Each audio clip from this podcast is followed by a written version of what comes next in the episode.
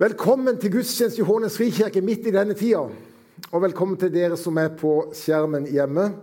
Og så har vi forståelsen for begge deler. Og så har vi separat barnekirke, for vi splitta. Mest av alt fordi vi tenker at hvis du får 40 barn inn her, så er det litt vanskeligere å overholde meteren. Men dere som er voksne, dere har jo ingen problemer med det. Det er jo fint. Så eh, Jeg heter Øyvind Augland, pastor i Hånes frikirke, og skal tale her. Og Vi har sånne tekstrekker. Så nå er vi på en tekst. Og her er mitt tema. En lampe som lyser. Og der ser den bak her også. Eh, er dere klar? Kan jeg be en bønn om at Gud får ta dette ordet og så gjøre det levende for oss? Jesus, jeg ber om at dette ordet vi skal lese, at du gjør det levende for oss. At vi eh, kan ta det inn i våre hjerter og ta det ut i våre liv. Jeg ber om det for ditt navns skyld. Amen. Eh, dette er et bilde. Noen som vet hvor dette bildet er fra? Ja, riktig. Jeg hørte en liten sånn en. og jeg, Sikkert dere som er på skjermen her, vet også det. Men altså, det var fra Golfkrigen. Eh, Golfkrigen som starta 17.1.1991. Det var noe annet som skjedde også den dagen. Det var to andre ting som skjedde den dagen. Kong Olav døde samme dag. Og Linda og meg kom hjem til svigerfar, for vi hadde forlova oss den dagen. Og Da satt svigerfar i sofaen, så på oss litt tørt og sa ja, ja, ei ulykke kommer sjeldent alene. Med sin tørre humor. Men vi har overlevd i 30 år, og det går bra. Men i den krigen så ble det lagd et nytt begrep. Eh, og det ble en beskrivelse av hva som hvordan det opplevdes for en soldat å bli sluppet ned bak fiendens linjer. Og spørsmålet der var hvor mye vet vi egentlig om situasjonen? Og i hvor stor grad kan vi forutse handlingene? Og Da kom dette begrepet hvor en brukte fire ord som var volatile. Den, den, situasjonen er uforutsigbar. Men den er også noe mer. Den er usikker, den er uncertain. Den er også noe mer, den er ganske kompleks å vite hvordan den skal takle virkeligheten bak fiendens linjer. Og den er også ganske tvetydig. Det er vanskelig å vite hvilken informasjon skal jeg stole på. Men fra å være et begrep som ble brukt for soldater som ble stoppet bak fiendens linjer, så ble det et begrep som ble brukt om denne verden vi faktisk lever i her og nå. For spørsmålet er hvor mye vet vi og skjønner vi i grunn av hva som skjer rundt oss? Og i hvor stor grad kan vi forutse resultater av beslutninger og handlinger vi tar i dag, i morgen? Men fra å være et begrep som beskrev en situasjon som spesielt trente soldater, så ble det altså et begrep som beskriver faktisk situasjonen i dag. For det er en situasjon med en ganske stor grad av uforutsigbarhet. Er dere enig i det? Vi har jo opplevd det hele tida nå i to år. Det er en ganske stor situasjon av usikkerhet. Vi vet ikke helt hva som skjer. Det er ganske stor situasjon av kompleksitet. Det er noen eh, som er tømrere og byggmestere og entreprenører i dag, som vrir seg i hodet over at og kanskje noen av dere gjør det også, at byggprisene og materialprisene økte med 30% nå det siste året. Både fordi at det er barkebilder i Canada, og Canada er der vi får mest tømmer fra. Og så de kan ikke levere og de leverer til sine og til USA istedenfor til Europa. Selvfølgelig. Vi er oss sjøl nærmest. Og at transportvirkeligheten er helt annerledes i dag. Så det er noe med den verden i det. Dagens virkelighet er kompleks. Og er det jo også, Hvilken situasjon skal vi stole på? Hva er troverdige kilder? Det er et kjempespørsmål i dag.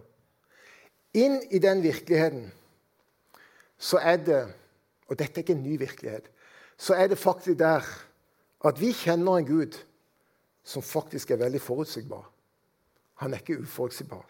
All god gave, og all fullkommen gave kommer ovenifra. Fra ham som er lysens svar. Hos han er det ingen forandring og skiftende skygge. Og I Hebrevet sier, sier at vi har et urokkelig rike som står fast.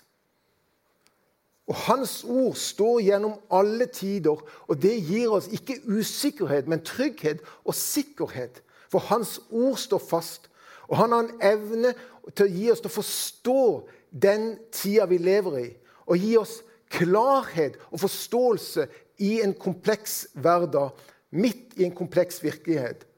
For den tida vi lever i, er det ingenting nytt under sola, sier Bibelen. Det er faktisk ikke så mye nytt under sola. Det er ikke så spesielt. For Men det er ikke heller en tvetydighet vi trenger å forholde oss til. For vi kan faktisk forholde oss til en sannhet. Og det er sannheten og sannheten i Hans ord som virkelig setter mennesker fri. Og det er den spenninga som du og meg lever i. Så spørsmålet er hvordan kan vi få hjelp til å navigere i den virkeligheten vi er i? Og Vi er ikke de første som har levd i den spenninga. Og her kommer vi inn, og her er teksten for i dag. For Peter levde i den spenninga. Og den spenninga den er jo i disse to tingene som vi prøver å holde sammen. Og midt i dette så lever du og meg, og så prøver vi å være et kristen fellesskap midt i denne spenninga, midt i denne verden. Og Da sier Peter inn der, i 2. Peters brev kapittel 1, vers 19 og 21. Derfor står også profetordet så mye fastere for oss. Dette ordet gjør dere rett i å holde fast på. Det er en lampe som lyser på et mørkt sted til dagen gryr og morgenstjernen stiger opp i deres hjerter. Men dere må framfor alt vite at en ikke kan tyde noe profetord i Skriften på egen hånd. For aldri ble noen profeti båret fram fordi et menneske ville det, men drevet av Den hellige ånd talte mennesker ord fra Gud. Av og til må man bare kreditere noen av de kildene han har henta ting fra. Og Nå har jeg lyst til å kreditere en ung pastor i Frikirka som heter Øyvind Døvik, som er pastor i Randaberg nå. Han skrev en mastergrad på disse to versene.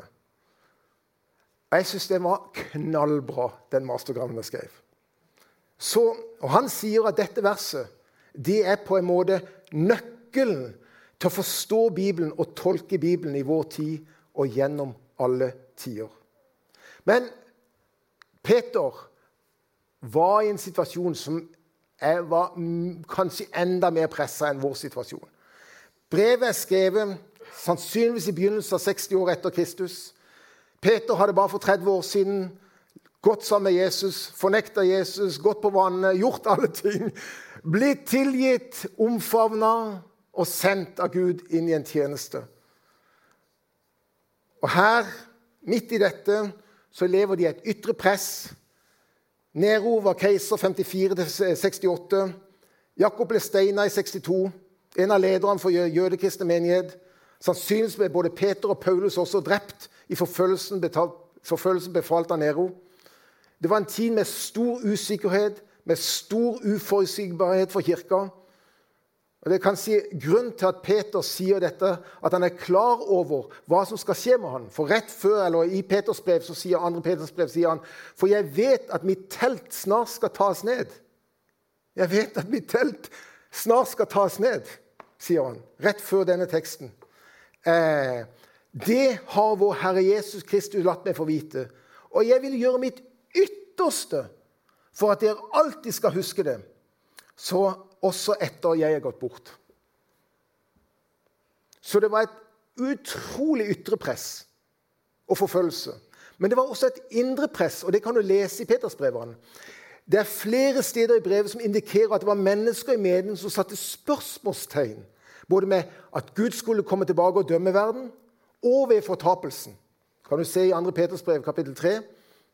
Og flere stilte også spørsmålstegn med det profetiske ord og med brevene de har fått av Paulus. De tolker Skriftene ut fra sitt eget forgodtbefinnende. Og det er som Peter tar opp i vår tekst. Brevet inneholder en rekke formaninger angående hvordan man skal leve inn i den tida, i den vukka verden som de levde i, og som vi lever i.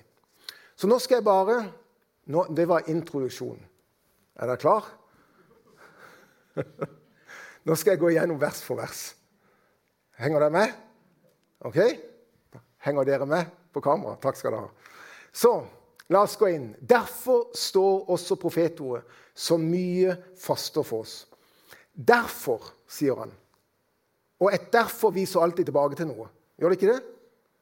Og rett før så sier Peter vi fulgte jo ikke klok, klokt uttenkte myter da vi kunngjorde for dere Jesu Kristi kraft og hans komme. Nei, vi var øyenvitner og så hans guddommelige storhet. For han fikk ære og herlighet av Gud, sin far. Den, den gang da røsten lød eh, over ham fra det høyeste herlighet. Dette er min sønn den elskede, i ham har jeg min glede. Vi hørte selv den røsten fra himmelen da vi var sammen med han og så det hellige fjell. Hvorfor står det så mye fastere? Jo, for Peter hadde fått åpenbart det. Han hadde sett det. Han hadde erfart det. Han kjente det. Hebreerbrevet sier det at eh, mange ganger og på mange måter har Gud i tidlige tider talt til dere gjennom fedrene, eller til fedrene gjennom profetene. Men nå, i de siste dager, har han talt til oss gjennom Sønnen. Det som på en måte sier, det er to autoriteter. Det er Skriftene, profetene, og det er Sønnen. Og de ord han taler selv og gjennom apostlene. Hva er dette profetordet? Det viser til Det gamle testamentets skrifter som er inspirert og profetiske og kommer dermed som Guds ord til leseren. Så hele Det gamle testamentet, sier Peter her, er inspirert av Gud og er et profetisk ord til oss. Men så kan vi se også at det er ulike og ikke helt mulig på at det også er noen av de nytestamentlige bøkene. For i 1. Peters brev eh, 3, 16, 2. Peters brev 3, 16, så snakker han om Paulus sine brever så det er tydelig at han legger også en vekt på at Paulus sine brever har den samme autoriteten når han skriver også her. Og Bibelen er jo som kjent ikke én bok.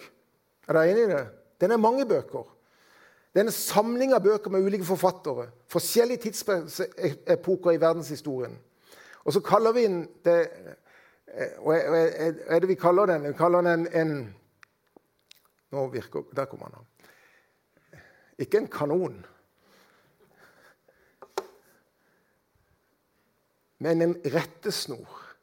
En, en, en, en målsnor, noe som gir rettledning. Det er det ordet eh, den betyr. Eh, det er noe som gir oss rettledning. Jeg hang den ned. Har dere sett på den? Dette er ei målesnor.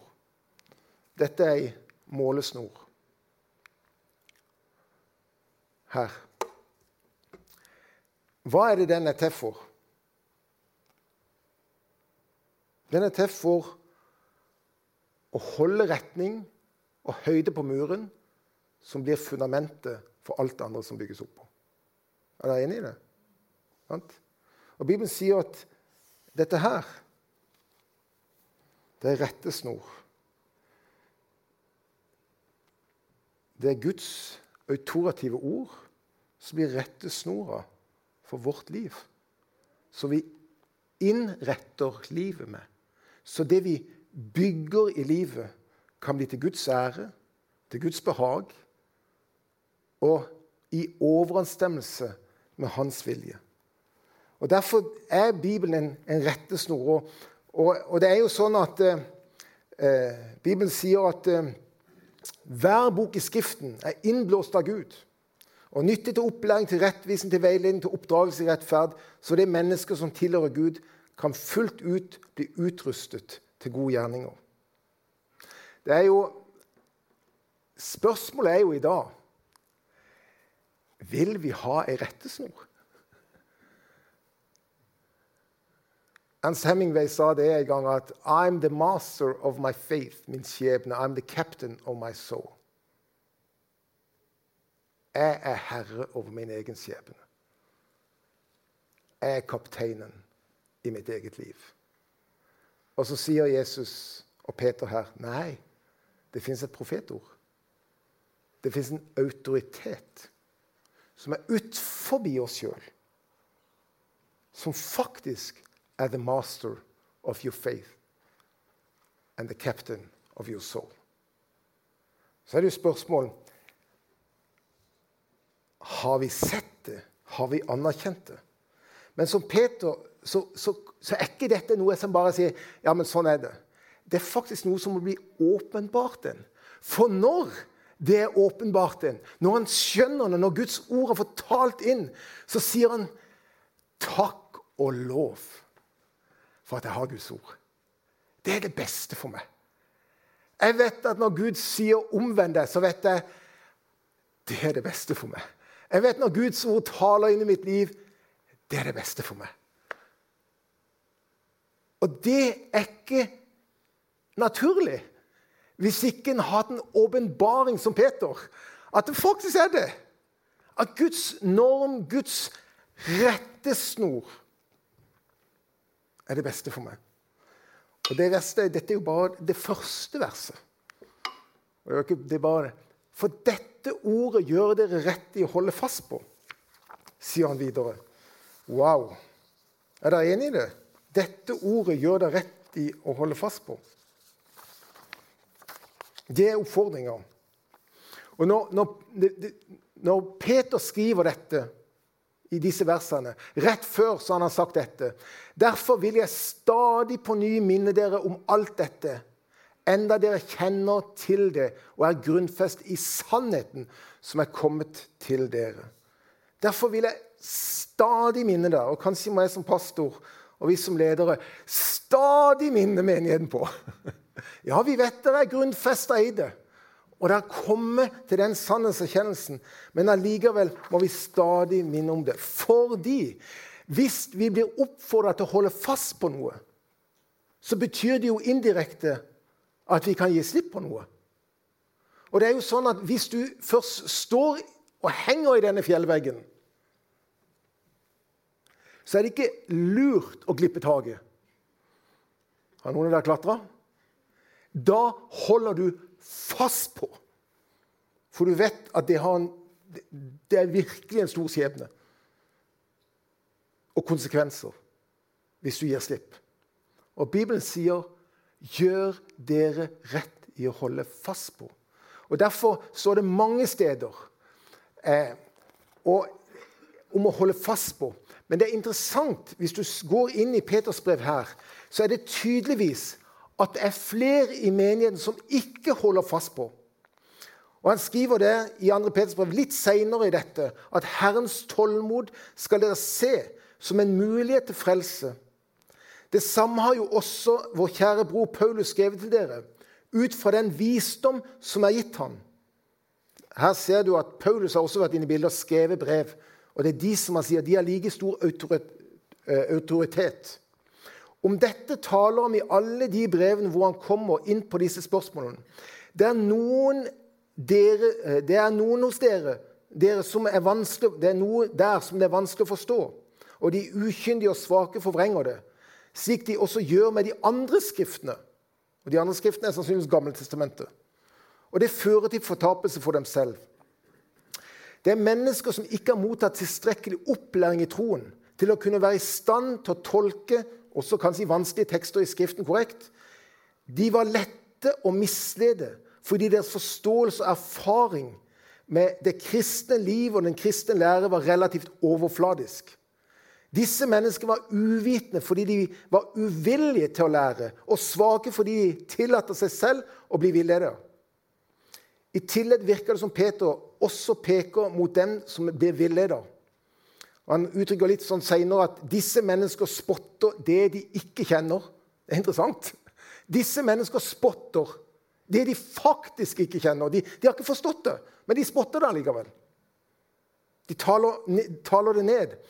De som sier slikt, glemmer at, sier han. De falske lærerne forvrenger altså Skriftene enten fordi de ikke har satt seg grundig nok inn i den kristne tro eller lære, eller kanskje mer sannsynligvis ut fra konteksten. Fordi de ikke er interessert å la i å lære å leve i henhold til den apostoliske læren. Og Derfor så sier Paulus og også Peter gjentatte ganger hold fast på Hold urokkelig fast på apostelæren. Hold fast på den lære du er blitt opplært i. Hold fast på det du har hørt. Hold urokkelig fast på bekjennelsen. Han må holde fast, og det er til eldste, det siste ordet. Oss som er eldste og ledere i menigheten, må holde fast ved det troverdige ord i samsvar med læren, slik at han kan være i stand til å lære og formane ut fra den sunne lære. Og Jeg har lyst til å si i sånn sett som Peter sier her til menigheten. Vi kan gjøre rett i å holde fast på og ikke gi slipp på. Det fins en rettesnor og retteseter. Og hvorfor? Jo, det kommer her. For det er en lampe som lyser på et mørkt sted til dagen gryr og morgenstjernen stiger opp i deres hjerter. Og Ut fra konteksten i det bibelverset så ser vi at Bibelen, det profetiske ord, blir beskrevet som en lampe som lyser opp i mørket. Profetordet blir klart assosiert f.eks. med jeg vil si salmen. Mitt ord er en lykt for din fot og en lys for din sti. Eller ordspråkene Det budet er en lykt, en rettledning og et lys, en formaning og rettvisning til veien til livet.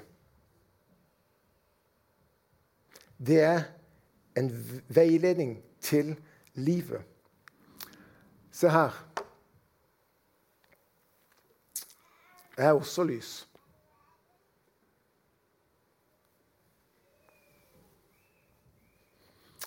Hvis dere var i den situasjonen, ville jeg vært uten eller med lys? Hva hadde vært fordelaktig? helst med. Mm. Og Det er på en måte det som Bibelen skriver. Vi lever på en måte i en mørk verden.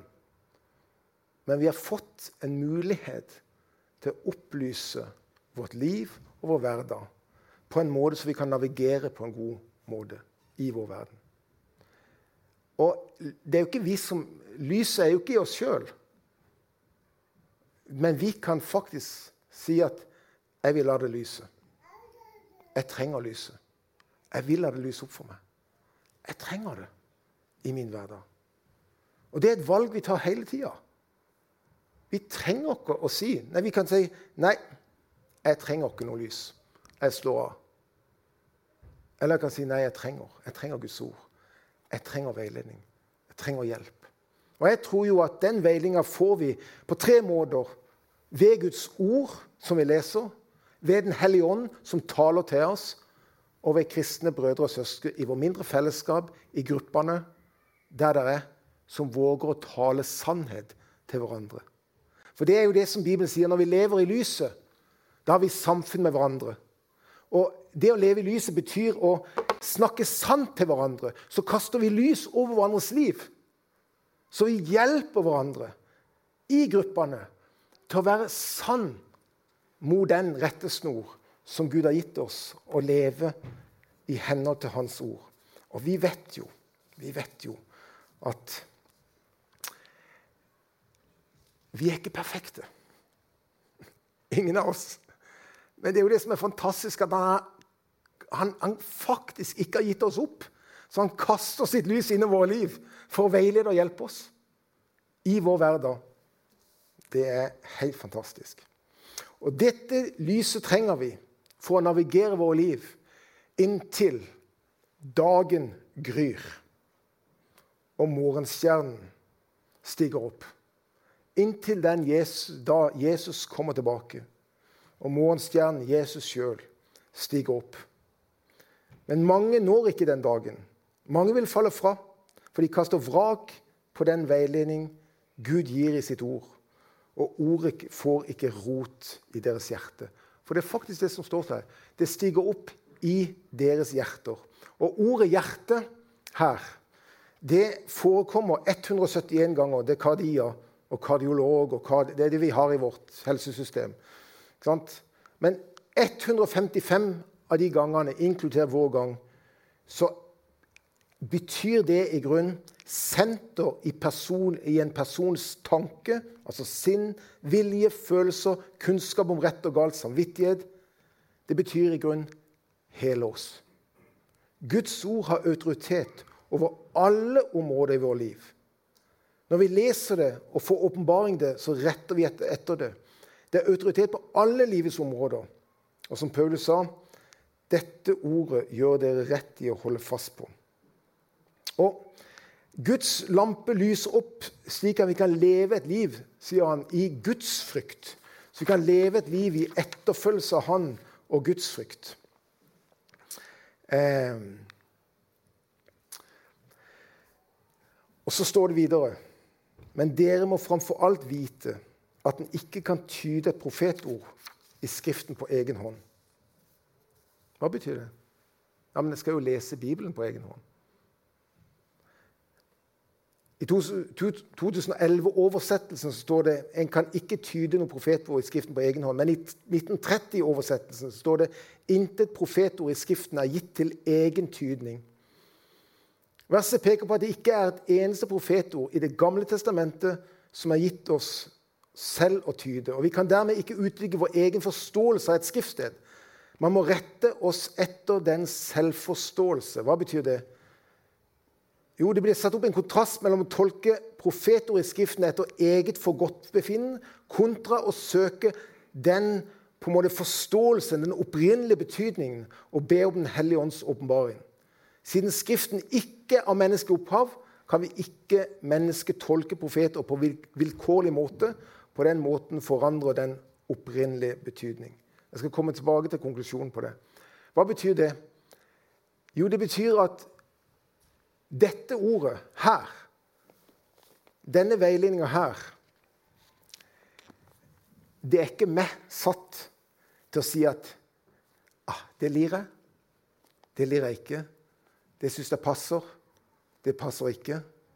Ah, dette er sikkert viktig for deg, men det er ikke så viktig for meg. Dette passer nok for deg, men det er ikke noe jeg skal gjøre. Vi kan ikke velge hva som er sant og rett. Det har faktisk Gud sjøl valgt. Og ordet sjøl må tolke seg sjøl. Det er en selvforståelse i ordet. Og det er vårt bibelsyn. Og Derfor er det på den siste her Peters brev sier Skal jeg gå videre der. For aldri ble noe profetord båret fram fordi et menneske ville, men drevet av Den hellige ånd talte mennesker Guds ord. Den hellige ånds inspirasjon gjør at apostelens ord og ordene i Det gamle testamentet karakteriseres som ord fra Gud. Med andre ord det er Guds ord til oss. I Paulus første brev, i 1. Tessalonikerne 2.13, så beskriver Paulus hvordan han tenker sin egen forkynnelse. Det står her For det er ikke overlært Guds ord som vi forkynte dere, tok dere imot det ikke som et menneskeord, men som det Guds ord det i sannhet er. Og Det var Paulus forståelse av det.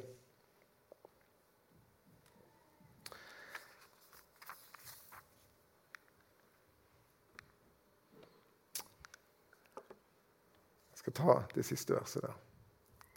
Nei, det skal komme der. det skal jeg ta. Jeg avslutter nå. Der. Hva er grunnlaget? Jo, grunnlaget er Det gamle testamentets skrifter er inspirert og profetisk, og dermed Guds ord. Det står i 2. Peters brev 1,19.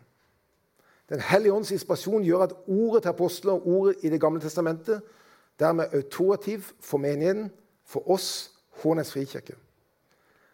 Hvordan tolker vi det? Jo, ingen kan utvikle sin egen forståelse av et skriftsted, men alle må rette seg etter dets selvforståelse. Dvs. Si, Bibelen tolker Bibelen. Den selvforståelsen er autorativ pga. Guds inspirasjon, helt uavhengig av tid, kultur og personlige preferanser.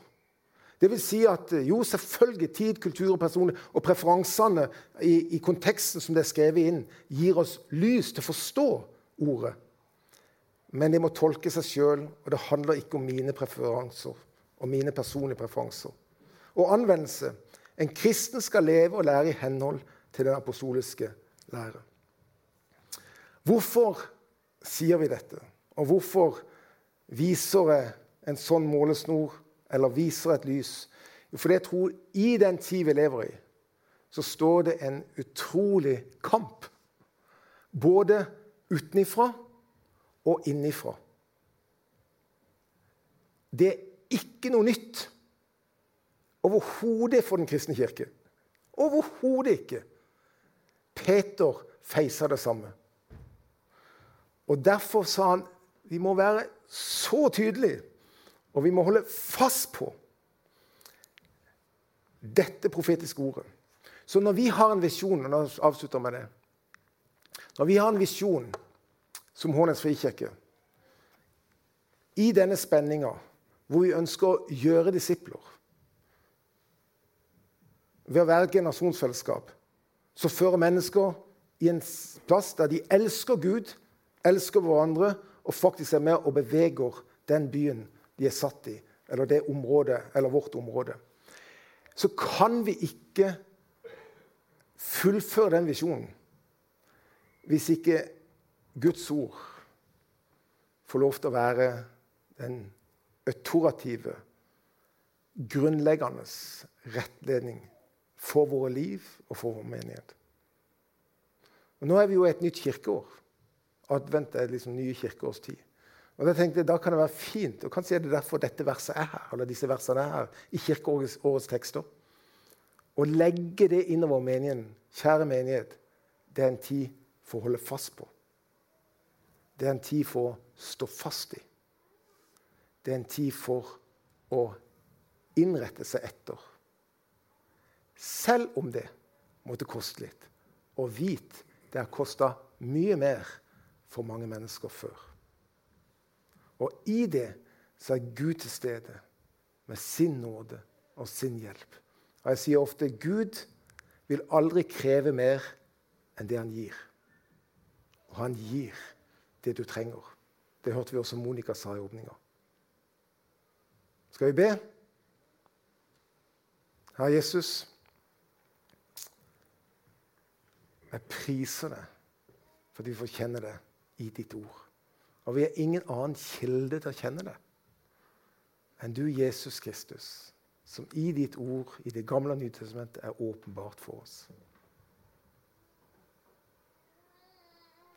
Jeg bare ber om kom med din Hellige Ånd nå. Og så kast lys innover våre liv. Innover våre holdninger. Innover våre preferanser.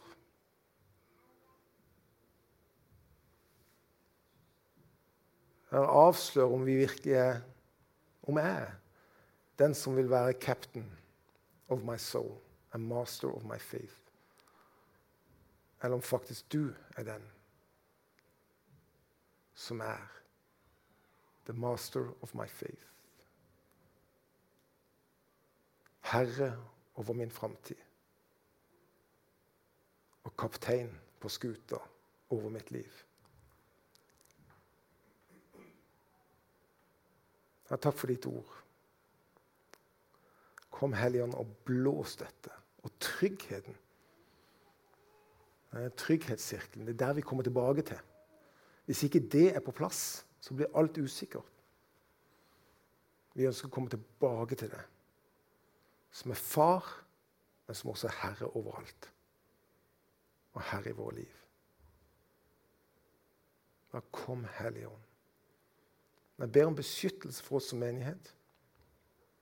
At vi står fast. Vi holder fast i den tid vi lever i.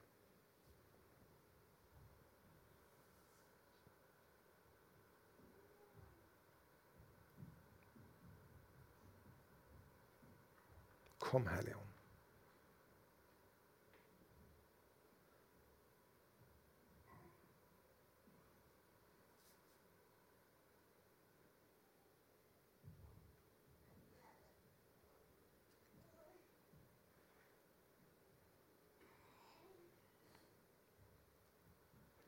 Kom, Hellige Ånd, de som sitter og ser på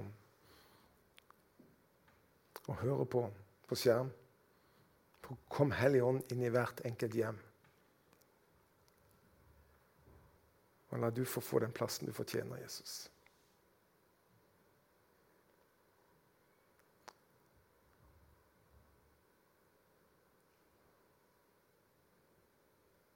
Tal ditt ord inn i våre liv. Til liv. Overflod av liv, sier du. I